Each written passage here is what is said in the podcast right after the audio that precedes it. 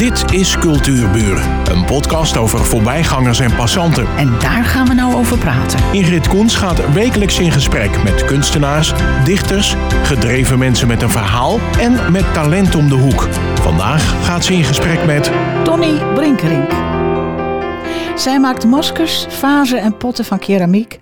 Zij stookt raku en creëert de meest originele sieraden van rubber, kralen en zelfs van t-shirts. Zij verandert het uiterlijk van stoelen en lijsteen, exposeert zomers in Frankrijk en heeft iets met de kunstkerk. We kennen elkaar al jaren. Dat en klopt. toch weet ik eigenlijk heel weinig van je. Kwam jij uit een creatief nest? Nee, helemaal niet. Nee, nee. Ik weet wel dat, eh, dat ik voor het eerst iets wilde maken toen ik een jaar of 18 was. En toen zei ik tegen mijn moeder, ik wil een jurk naaien. Ik zag haar ogen groot worden van jurk naaien. Hoe doe je dat? Ik zei, je kan me toch wel helpen, je kan toch wel naaien. Nou ja.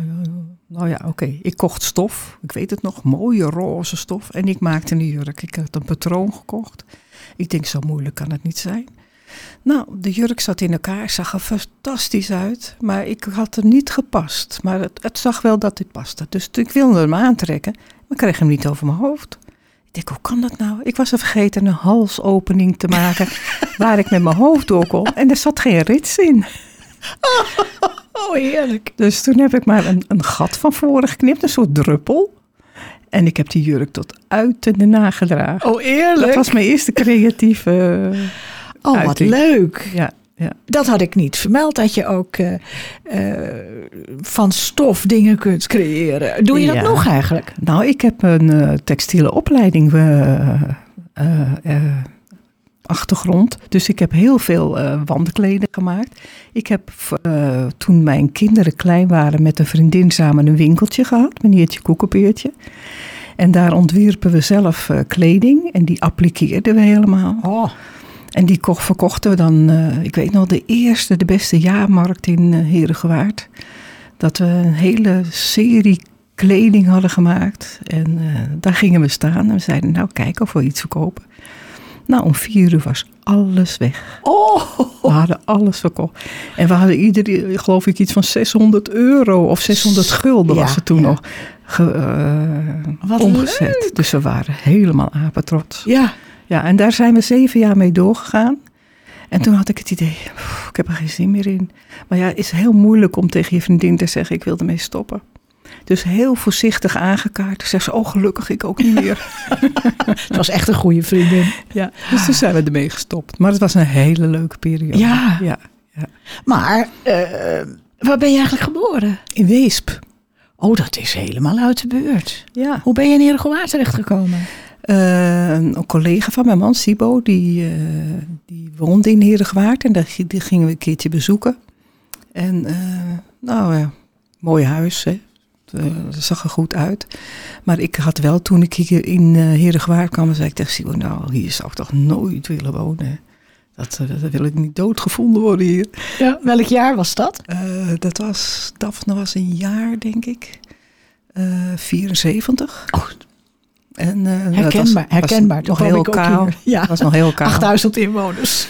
En eh, op een gegeven moment wilden wij naar huis komen, maar in Weesp, rond Amsterdam, was het gewoon niet te betalen. En er was ook weinig aanbod. Dus op een gegeven moment ging Sibo kijken in, eh, toch in Heerlijkewaard. En eh, ja, daar hebben we een huis gekocht. Ik heb er nooit spijt van gehad. Ik woon er heerlijk. Ja, zo is het Ja. bij ons eigenlijk ook gegaan. Ja, En ehm, er was geen bioscoop. Was helemaal niks. Er, was een boerderij. Met een stel oude bankstellen erin.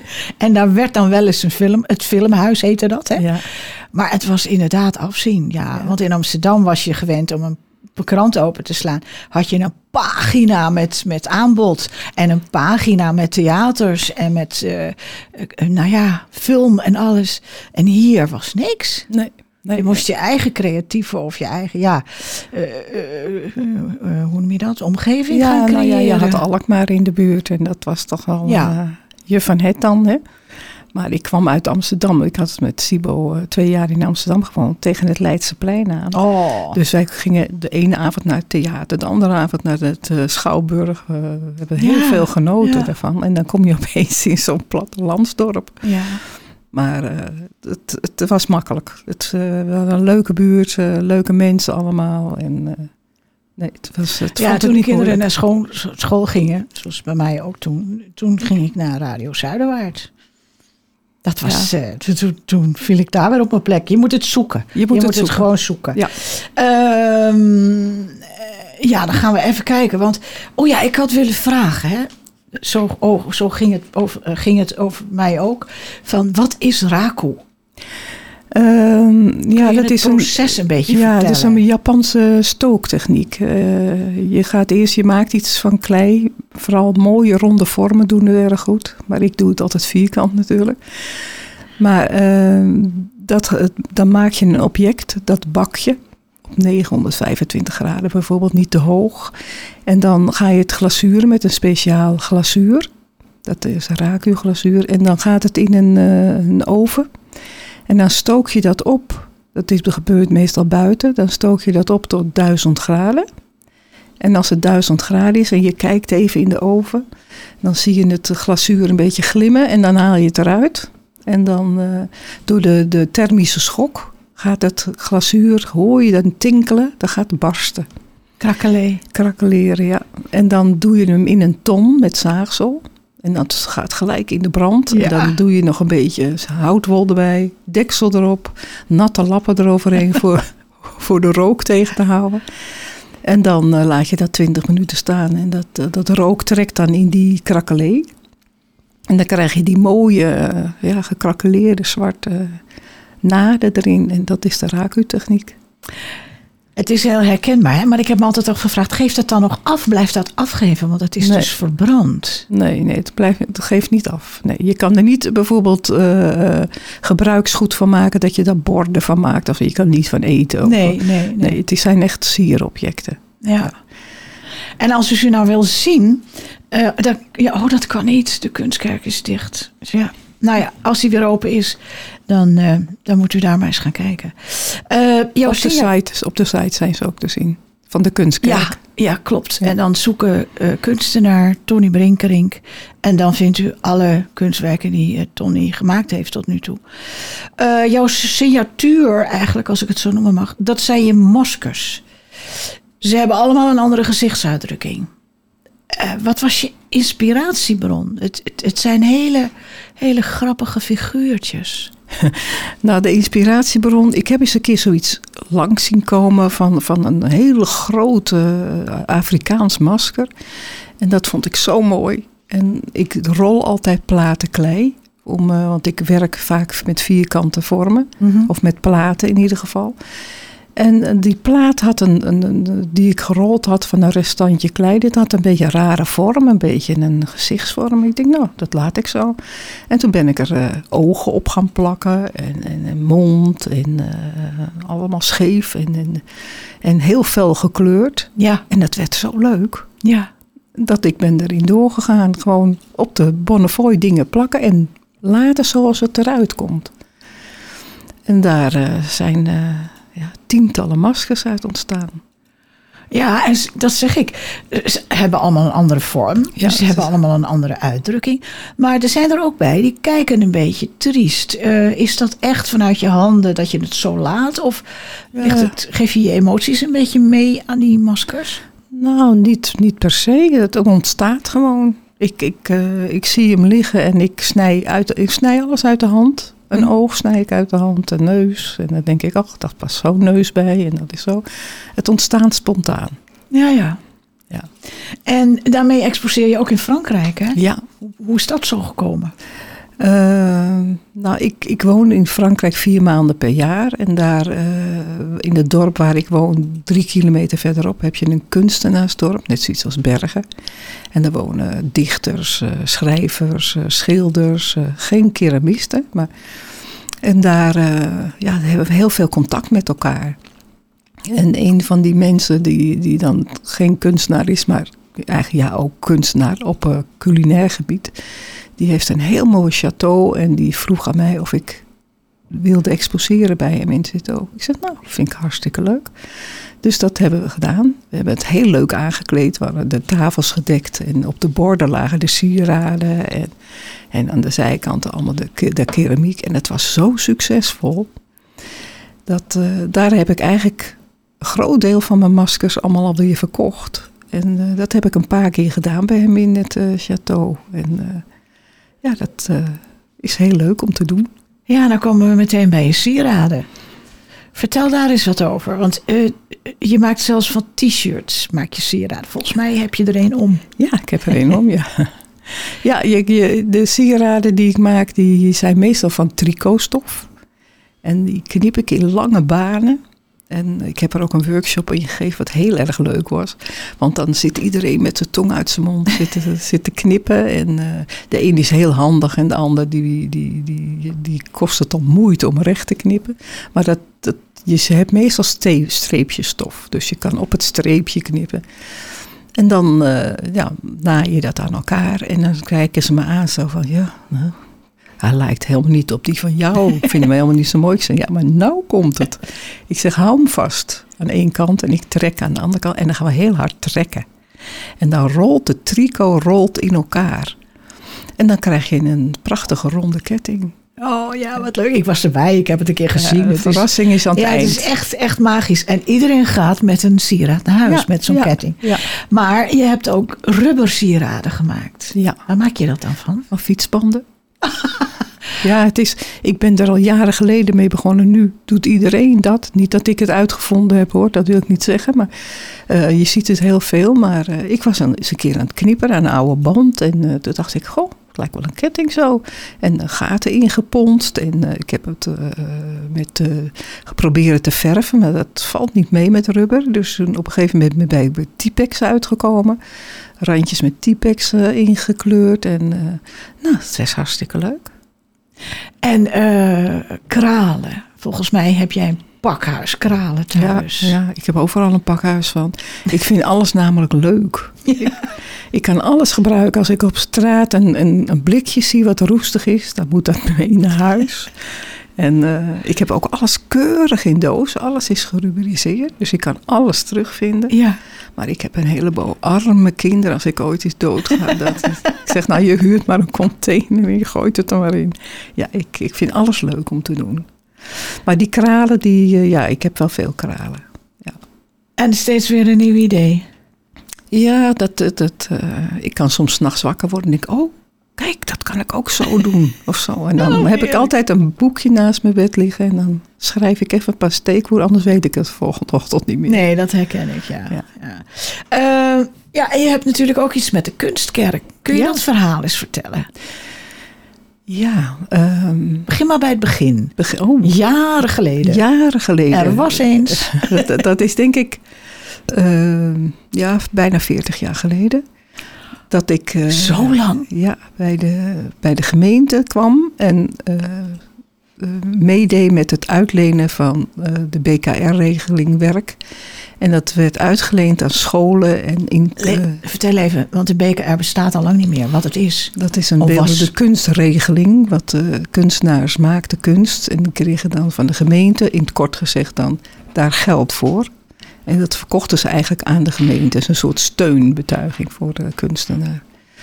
Dus die collectie was al aardig opgebouwd in de gemeente. En die werd dan uitgeleend aan uh, instellingen en bedrijven. En daar waren we vier dagen per week uh, of per jaar mee bezig. Voor het innemen en het uitlenen weer.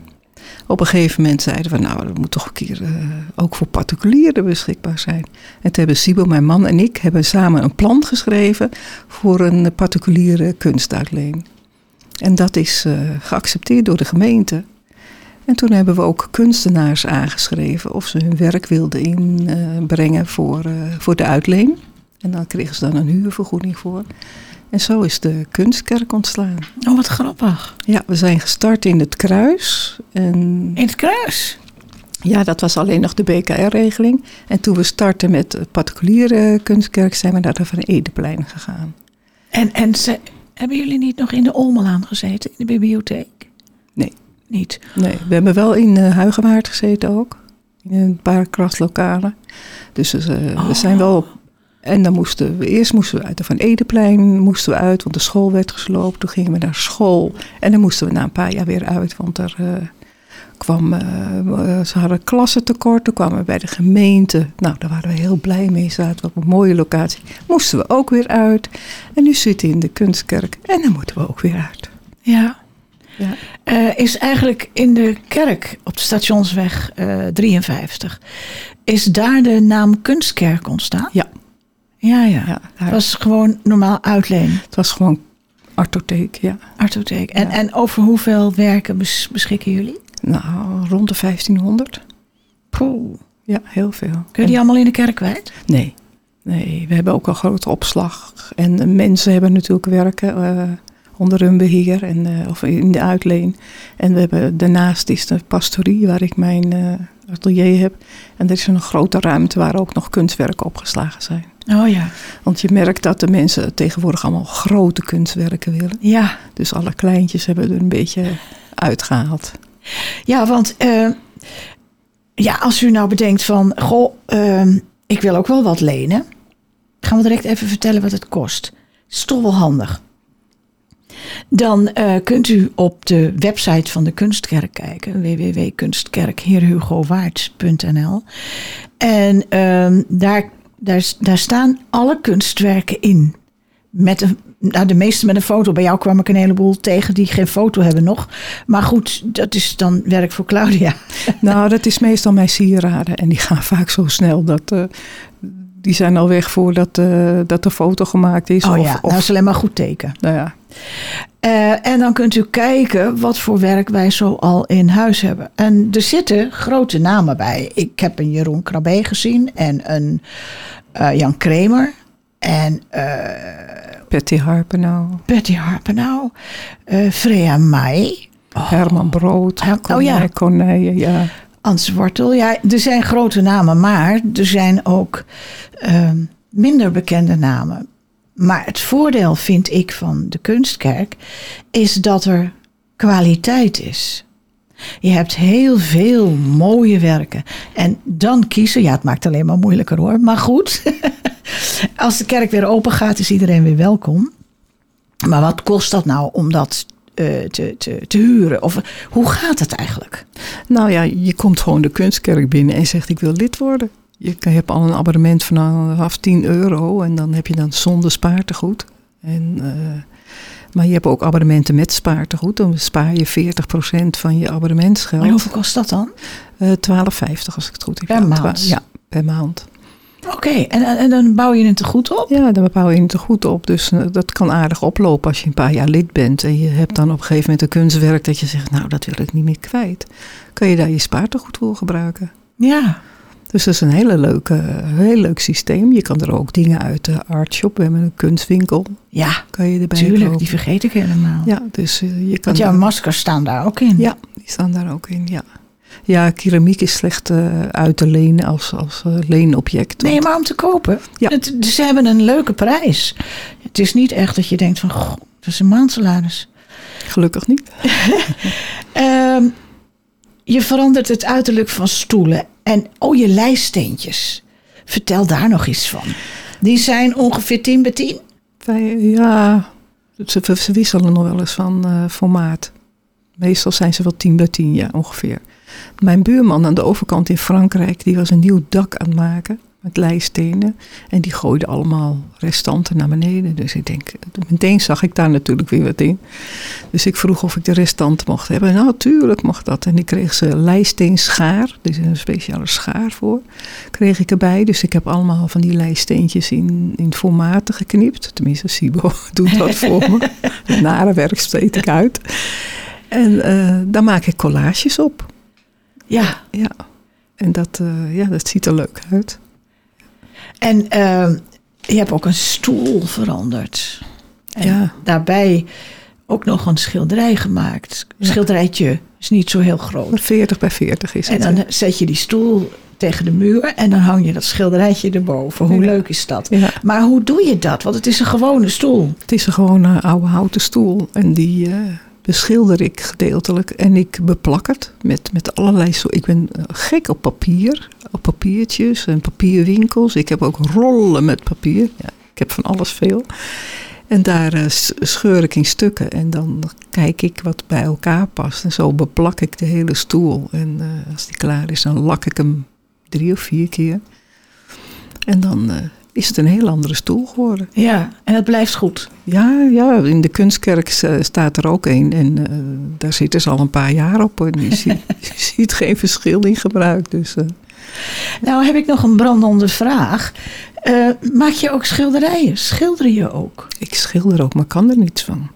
Tenminste, ik vind van niet. Maar Oh. ik, ik maak wel schilderijen. Ik, ik, ik, doe, ik doe altijd maar wat, zeg ik altijd. Ik noem mezelf ook geen kunstenaar. Ik, ik vind kunstenaar altijd een heel groot woord. Ik zeg altijd, op mijn visitekaartje staat ook geen kunstenaar, maar Tony Brinkering beeldend bezig.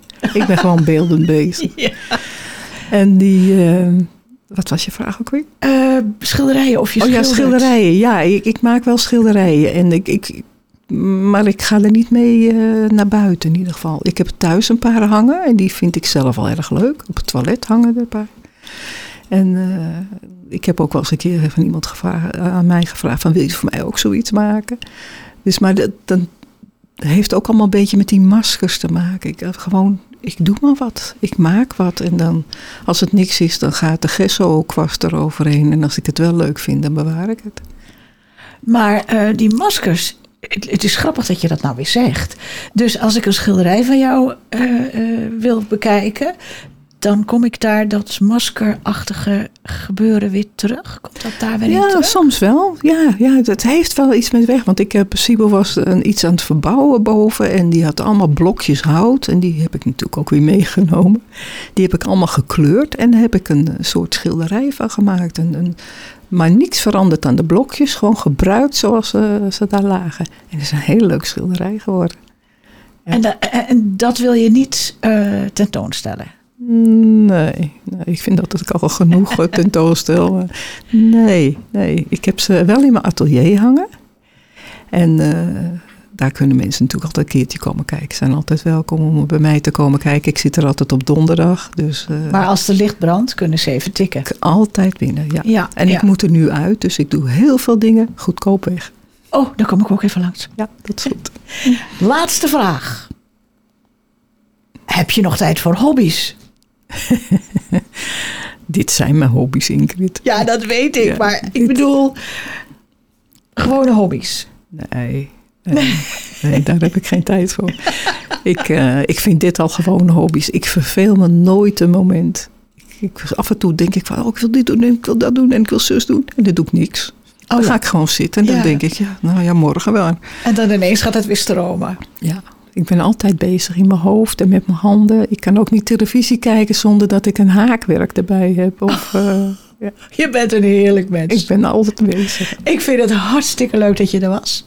Ik vond en, het ook leuk. Uh, kijk nog eventjes, uh, voor zolang het duurt, in de, in de pastorie naast de kunstkerk. En als er licht brandt, dan mag u naar binnen. Tony Brinkerink, fijn dat je er was. Dankjewel Ingrid. Dit was Cultuurbuur. Een podcast van Ingrid Koens en Streekstad Centraal. Bedankt voor de aandacht en tot de volgende Cultuurbuur.